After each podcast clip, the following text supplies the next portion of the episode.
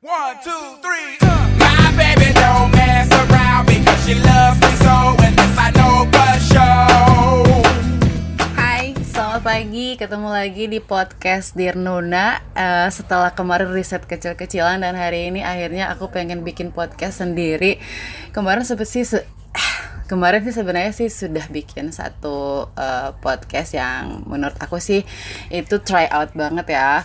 Tapi ya udah deh lanjut aja. Jadi hari ini tuh akhirnya aku sudah bikin eh, konsep kecil-kecilan dan akhirnya aku mau curhat nih tentang pelayanan publik. Jadi gini, Akhir- akhir-akhir ini dari tahun 2018 sampai ke 2020 aku hidup iyalah emang udah mati Em, aku tuh menemukan beberapa kejanggalan ketika eh, menuju ke pelayanan publik pemerintah ya. Oke aku cerita satu-satu ya.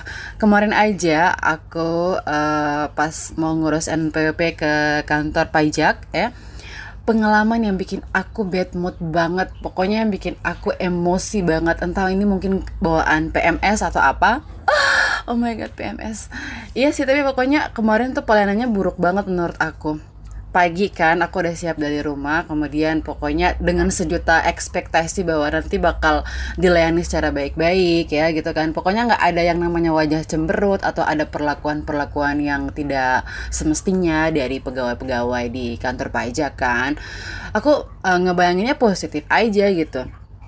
Pas sampai di sana tuh ternyata aku eh, pas nanya ke satpam dulu kan pak aku mau ngurus NPWP Eh, terus ditanya NPWP untuk apa? Aku bilang aja NPWP pribadi pak. Oh iya. Eh, bawa KTP aku bilang iya bawa. Tapi kemudian muncul pertanyaan kerja di mana? Dan gobloknya aku itu aku langsung bilang "Eh, aku freelance pak eh, di radio. Akhirnya eh, mereka bilang ya udah kalau gitu nanti bawa surat keterangan eh, bekerja ya dari kantornya. Plek. Terus aku bilang ya berarti harus balik ke kantor lagi tapi ah ya udah ini kan cuma satpam gitu kan aku masuk ke dalam. Dan karena memang aku baru pertama ini pengalaman pertama aku ngurus kayak gitu di kantor pajak aku langsung ke bagian yang aku pikir emang itu tempat bertanya kan bukan resepsionis tapi tempat di mana aku lihat ada lemari dengan tumpukan-tumpukan formulir bagi para yang eh, para bagi orang yang pertama kali mungkin datang untuk mau mengurus eh, NPWP gitu kan. Terus aku tanya sama bapaknya gini Pak, aku mau bikin NPWP. Nah, pertanyaannya sama kayak satpam tadi dan aku tuh karena nggak tahu, aku juga bilang iya aku freelance Pak. Gobloknya aku tuh aku nggak perhatikan bahwa di KTP itu kan emang tertulis belum ada kerjaan gitu kan. Jadi hanya beliau bilang ya udah eh, balik eh, harus ada surat keterangan kerja atau apa pun SK atau apa pun yang menyatakan bahwa kamu itu bekerja di instansi tertentu gitu. Lah aku pikir ya udah aku balik aja ke kantor. Balik dan ternyata sampai ke kantor kakak kata kakak Acel gitu kan kakak Acel bilang Kenapa bilang sih ada kerja? Bilang saya sing ada kan di KTP kan sing ada. Terus aku mikir oh iya ya. Kenapa aku harus repot-repot bikin surat keterangan lagi? Toh buktinya teman-teman yang lain juga yang aku pernah tanya eh, mau bikin NPWP pribadi mudah-mudahan cuma KTP doang. Kan nanti kalau pas ditanya kan belum ada kerjaan, terus nanti diproses langsung di print. Tapi kata temanku eh, katanya kan nanti di eh, di daftar online aja dulu, setelah itu nanti di print gitu kan. Ya udah aku balik lagi kan ke kantor pajak eh, buat mengadepin bapak tadi. Aku bilang oh iya aku udah punya alibi gitu. Pas balik ke sana lalu beliau dengan tampang mukanya yang flat. Tahu nggak beliau bilang apa? Beliau bilang udah mana surat keterangannya? Terus aku bilang ya aku kan eh, free- freelance pak. Aku bukan PNS atau pegawai tetap jadi aku nggak punya itu su- surat keterangan. Lagian tiga hari lagi kontrak aku selesai. Aku bilang kayak gitu. Ya ampun bapaknya nyolot tahu nggak? Bapaknya bilang kayak gini. Nggak bisa nggak bisa nggak bakal di print balik lagi balik lagi ambil suratnya. Pokoknya akhirnya aku jadi adu mulut gitu kan sama bapaknya. Bapaknya tuh aduh nggak ramah banget wajahnya air mukanya itu bikin kesel sumpah akhirnya aku keluar dari kantor pajak dengan wajah yang lesu dan sangat-sangat tidak bersahabat dengan siapa pun yang memandang wajah aku kemarin Yo Mikado, Cie dua tiga cerita tentang orang yang banyak uang Oke, ya udah. sampai di mana tadi kita? Oh iya, pas aku keluar dari kantor pajak tuh aja aku tuh udah nggak bersahabat karena, aduh, udah emosi banget, udah bad mood banget. Sampai aku pas pesan Grab ojek online aja tuh ya, ya ampun, aku udah nggak tahu kalau itu bang Grabnya udah udah di depan aku, udah telepon. Karena saking kesalnya aku, kenapa sih pelayanan publiknya kok ribet kayak gini? Ya udah teman-teman aku yang lain aja tuh datang ngurusnya cuman modal KTP doang. Padahal mereka juga kerja tapi karena mereka bilang aja biar biar dipercepat gitu kan pengurusannya, biar dipermudah gitu kan. Oh, aku udah udah ngomel-ngomel sendiri di depan jalan. Terus yang aku ingat lagi beliau bilang begini. Loh, kalau emang besok-besok kamu udah jadi pengangguran ngapain coba ngurus NPWP lagi? Lah, lah aku pengen ngurus aja gitu pak. Aduh bapak ini apakah aku harus jelaskan pak? Aku tuh mau ikut tour ke Jepang jadi aku harus ngurus ini biar aku punya persyaratannya bisa dipenuhi gitu. Iya ampun gregetan banget tau nggak? Ah, itu pertama. Yang kedua eh, sekitar beberapa bulan yang lalu tepatnya di tahun 2019 waktu itu kan aku baru barusan beli HP baru Samsung Galaxy S10 ya S10 waktu itu. Nah saking excitednya aku masih yang itu bulan puasa ya bulan Mei. Ya Allah 19 Mei. Ingat banget tanggalnya. Waktu itu aku jogging. Emang kebiasaan aku tuh jogging tiap hari minggu pagi kan ke JMP terus waktu itu aku bawa handphone handphone baru. Barusan dibeli hari Kamis. Ya Allah hilangnya hari Minggu coba. Aku kena jambret kan di JMP pas lagi moto-moto sunrise gitu. Dan akhirnya aku bingung ya Allah ini kenapa? Pas pokoknya kejadiannya kejadiannya tuh kejadiannya kejadiannya tuh bikin aduh yang kayak gimana ya aku nggak bisa lupain. 19 Mei 2019 aku ingat banget tanggalnya hari Minggu pagi bulan puasa kan eh, suasana masih lengang di JMP itu masih sunyi-sunyi aja masih eh, pokoknya yang belum ada banyak orang yang jogging cuman aku sendiri ya Allah. Si Jamret itu mendekati aku dan kemudian berbahasa basi yang aku nggak ngerti. Aku emang polos dan naif banget kali ya terus merampas handphone dari tangan aku dan tiba-tiba aku beberapa detik setelah itu aku merasa kok handphone nggak ada di tanganku lagi ya? Ya ampun seharian aku tuh jadi kayak orang linglung. Tapi aku berpikir enggak aku harus lapor ke polisi. Aku waktu itu datang ke kantor aku sekarang DMS waktu itu kan aku belum balik nih ceritanya belum CLBK terus aku tanya pendapatnya Om Vanu sama Kak Acel dan mereka bilang ya udah kamu lapor aja ke kantor polisi terdekat yang dekat JMP itu loh lalu aku ingat oh yang ada PRC PRC itu. Ya udah aku sama Nana ke sana adik aku. Dan ketika lapor kita hampir menggerebek tempatnya karena kita udah lacak pakai Google Google eh, mobile service gitu kan. Karena pakai email aku. Ketemu titiknya di Galala waktu itu. Cuman ketika aku sama pasukannya ke sana tuh eh, sayang sekali kita nggak bisa melakukan apa-apa. Kita cuma bisa melihat titik merahnya doang yang ada handphonenya aja. Itu pun pas di rumah eh, pemukiman rumah warga. Jadi kita nggak mungkin dong kayak orang gila atau dengan pasukan kesetanan dari kepolisian dan langsung menggerebek gitu aja ternyata mereka juga harus punya prosedur. Lalu akhirnya eh, mereka bawa aku ke bagian apalah gitu lah pokoknya di Tantus itu. Aku nggak ngerti namanya pokoknya di eh, reskrim reskrim gitu. Tapi dari sana menyarankan aku harus ke Polda ngurus surat apa ya waktu itu aku lupa namanya. Pokoknya ada surat kayak semacam surat perintah untuk penggeledahan gitu ya. Jadi akhirnya aku ke Polda waktu itu langsung ya. Aku pikir kan pelayanannya sana kan 24 jam gitu kan. Lalu aku ke sana sama adik aku minta Pak kita tuh mau ngurus eh, surat keterangan ini gini gini gini. Aku ceritain kan ke Pak polisi yang jaga di sana. Terus akhirnya Pak polisi bilang ya terjadinya kejadiannya di mana? Aku bilang di JMP. Terus Pak polisinya bilang sayang sekali itu bukan kewenangan kita dari Polda. Itu harus ke Polsek. Eh, waktu itu kan uh, pol belum jadi Polresta Pulau Ambon dan Pulau-Pulau Lease masih jadi Polsek. Kalau di sini di Ambon nyebutnya po- uh, pos kota yang dekat sama lapangan Merdeka. Itu kewenangan di sana. Jadi nanti ke sana aja ngurusnya nanti dari tim IT di sana yang ngecek gitu.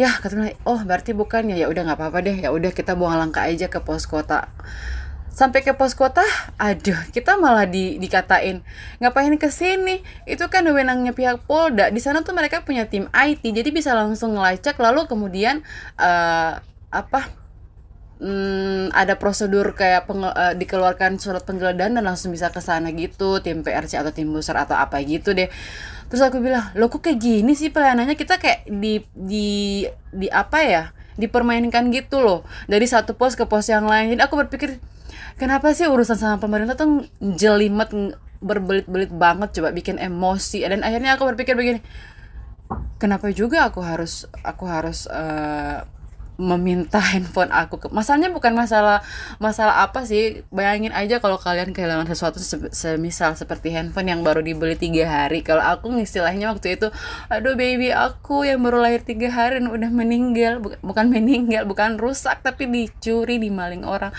Ya ampun itu bikin greget banget kan. Jadi akhirnya aku pikir gimana ya? Aku mau ikhlasin atau gimana sih? Tapi data-data aku di dalam itu loh nggak bisa.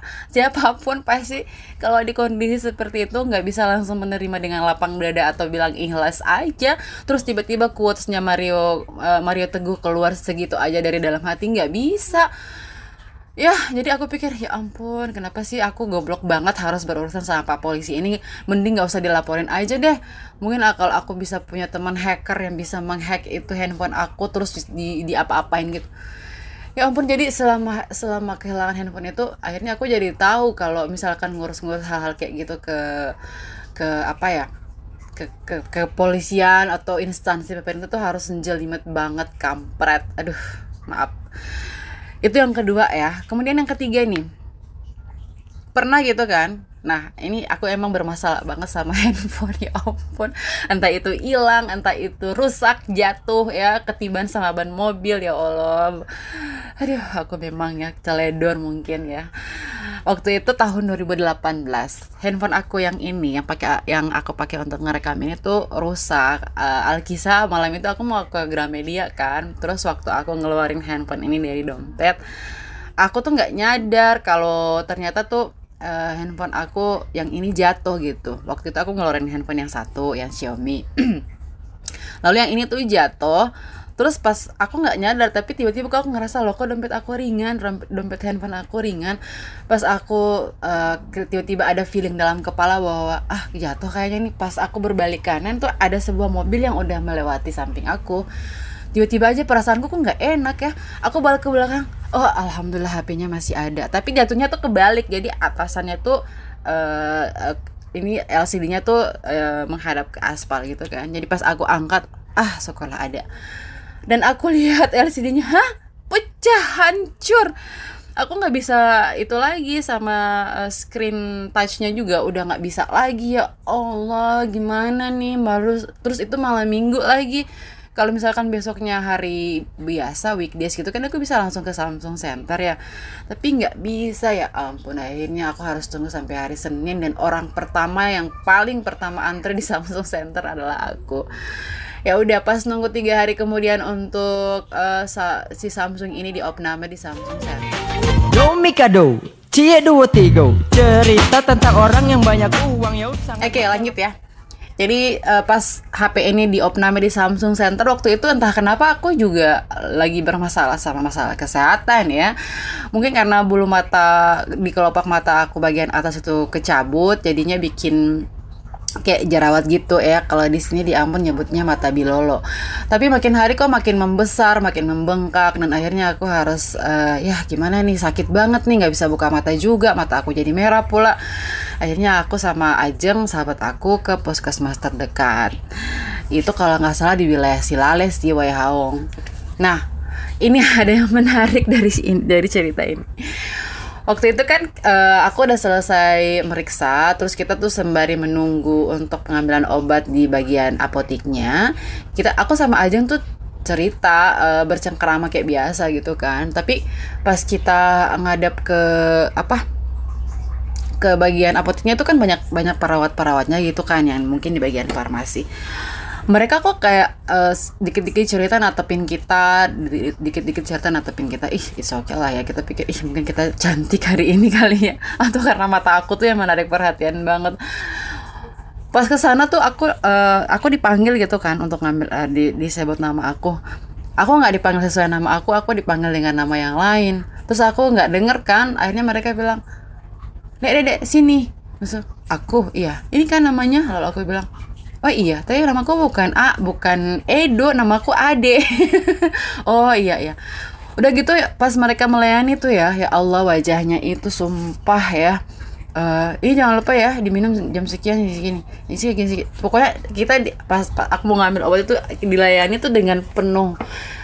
Wajahnya tuh nggak friendly banget gitu kan. Jadi aku pikir loh ini ini aku pasien loh. Tolong dong diterangkan yang yang eh, selembut mungkin ekspresi wajahnya juga jangan yang kayak mau berkelahi gitu ya aduh nggak ada rahmat banget ya kalau istilah di sini. Aduh yang aku pikirkan tuh gini, ini kan eh, puskesmas, pusat kesehatan masyarakat. Yang datang ke sini otomatis yang memiliki masalah dengan kesehatan, konsultasi. Pokoknya kita nih awam lah ya masalah kesehatan. Kalian di sini itu yang paling tahu bagaimana caranya melayani.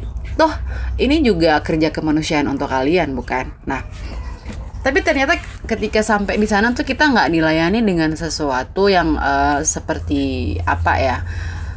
Yang menggambarkan bahwa ini adalah kerja-kerja kemanusiaan. Kalian tuh melayani gitu kan, melayani masyarakat. Tapi ternyata kita disuguhkan dengan tampilan wajah mereka kayak gitu. Ya Allah, aku masih ingat banget. Dan pas keluar dari dalam puskesmas, aku sama Ajeng eh, jadikan itu emang sebagai bahan diskusi. Kita tuh ngomong kok gitu nggak ramah banget ya mereka? Hospitality mereka tuh dipertanyakan gitu. Ini baru sekelas puskesmas tuh belum lagi rumah sakit ya. Ya ampun namanya aja hospital dalam bahasa Inggris artinya keramahan. Tapi mereka nggak hospitality banget gitu. Hospital eh, nggak hospital banget jadi hospitality mereka tuh dipertanyakan. Nah, dari tiga kejadian ini, saya baru saya mengambil suatu kesimpulan. Eh, oh, sebelumnya juga eh, sebelum sebelum kesimpulan ya. Beberapa tahun yang lalu tepatnya di, di- udah satu dekade kayaknya ya 2010 kalau nggak salah itu lagi mau pemutaran film Sang Pencerah. Sang Pencerah ya. Jadi aku sama geng saudara-saudara aku waktu itu sama Za, Mimi juga kita tuh mau nonton Sang Pencerah di bioskop ya, sama kakak Ali suaminya Za sekarang. Nah waktu itu kita udah dapet tiket dan mau masuk ya di di studionya ya. Waktu itu mbaknya nggak tahu mungkin dia juga lagi PMS kali ya. dia tahu nggak? Melayani kita kayak gimana? Terus waktu itu kakak eh, kakak Ali menyodorkan tiketnya dan bertanya ini te- tempat kita. Lalu dengan cara yang tidak manusiawi menurut aku. Wajahnya udah nggak senyum terus nadanya sinis banget. Katanya kayak gini ya udah gas 10 di sana. Eh kita kan nanya baik-baik gitu kan. Aduh kalau kita itu mungkin masih maklumin tapi kalau kakak aku yang satu itu kak Ali aduh beliau nggak nggak tanggung tanggung langsung ngelabrak di depan muka kayak gini. Eh mbak wajahnya biasa aja dong. Jangan kayak gitu kita kan nanya baik-baik. Terus si mbaknya nyolot juga terus abang mau apa? Ya ampun hampir aja terjadi eh, adu pokoknya udah adu adu mulut udah tapi adu jotos itu hampir aja. Dan kali tuh ya Allah aku tahu ya beliau itu pokoknya yang kayak kayak gitu tuh benar-benar harus dilawan tapi untung waktu itu ada Za dan Za menenangkan bilang udah bu bu udah udah lanjut aja jadi itu ada beberapa kejadian ya yang menjadi eh, menjadi sebuah pengalaman dalam hidup aku bahwa pelayanan publik di negara ini, negara plus 62 ini tuh belum apa ya? Belum memadai. Nggak mungkin nggak tahu di tempat lain ya, tapi untuk khusus untuk di Kota Ambon aja nggak ramah banget. Nggak friendly, nggak hospital. Pokoknya aduh, kenapa ya? Aku jadi bertanya gitu. Eh, jadi akhirnya membuat satu stereotip di dalam kepala aku bahwa orang Ambon itu nggak cocok kerja di bagian customer service di di tempat pelayanan publik. Kenapa? Karena hospitality mereka itu oke, mungkin karena didu- itu eh, merupakan sebuah karakter mereka yang keras seperti pohon sagu. Meskipun ada yang menggunakan filosofi pohon sagu ini bahwa sangar di luar lembut di dalam, oke itu mungkin di tataran lain, tetapi di di ranah-ranah publik kayak gitu banyak banget udah aku temukan pengalaman yang kayak gitu, yang pengalaman yang sudah seperti aku sebutkan tadi. Apalagi itu di instansi pemerintah kan, satu swasta ya yang di bioskop tadi. Jadi gimana coba? Katanya Ambon itu manis, Ambon Manise, oke. Tapi ternyata di kalau di ranah-ranah publik di bagi, di bagian pelayanan publik aja udah nggak ramah kayak gitu, gimana coba? Nanti kalau orang luar datang ke Ambon, jadi mereka mengaminkan bahwa emang orang Ambon itu kasar-kasar, udah dari karakternya mungkin yang tinggal dekat pantai kayak kayak gitu. Ya itu mungkin harus dirubah ya. Tapi bagaimana caranya mindset seperti itu kita rubah? Wong uh, mungkin di bagian uh, ke depannya mungkin ya di bagian HRD ya Human Resource Development itu harus memperhatikan lagi perekrutan uh, pegawai ya di instansi pemerintah maupun swasta itu harus diperhatikan. Mungkin yang pertama tuh harus dicantumkan juga nggak hanya hard skill mereka punya uh, IPK berapa kemudian lulusan apa tapi soft skill yang kayak kayak gitu tuh yang harus dikembangkan ke depan. Biar uh, besok-besok ke depannya kita punya kesan ya dari orang yang datang jangan dulu orang luar mungkin kita aja selaku penduduk asli di sini di di kota Ambon khususnya dan Maluku pada umumnya. Jadi punya kesan baik bahwa oh iya aku senang tinggal di Ambon karena orangnya ramah-ramah. Apalagi di kalau pelayanan publiknya kayak gitu ramah ramah banget. Jadi kita jadi betah gitu kan ya. Ya ini cuma sekedar cerita dan curhat kekesalan aku aja sih mudah-mudahan kalau ada yang dengar ini misalnya dari unsur pemerintah atau dari pemerhati apalah gitu ya bisa jadi bahan aja sih Iya, pokoknya aku lagi gabut, jadi aku pengen bikin podcast kayak gini. Tapi terima kasih so far sudah uh, masuk dan nimbrung di podcast Dear Nona. Kita ketemu lagi nanti di episode-episode berikutnya ya. Bye bye.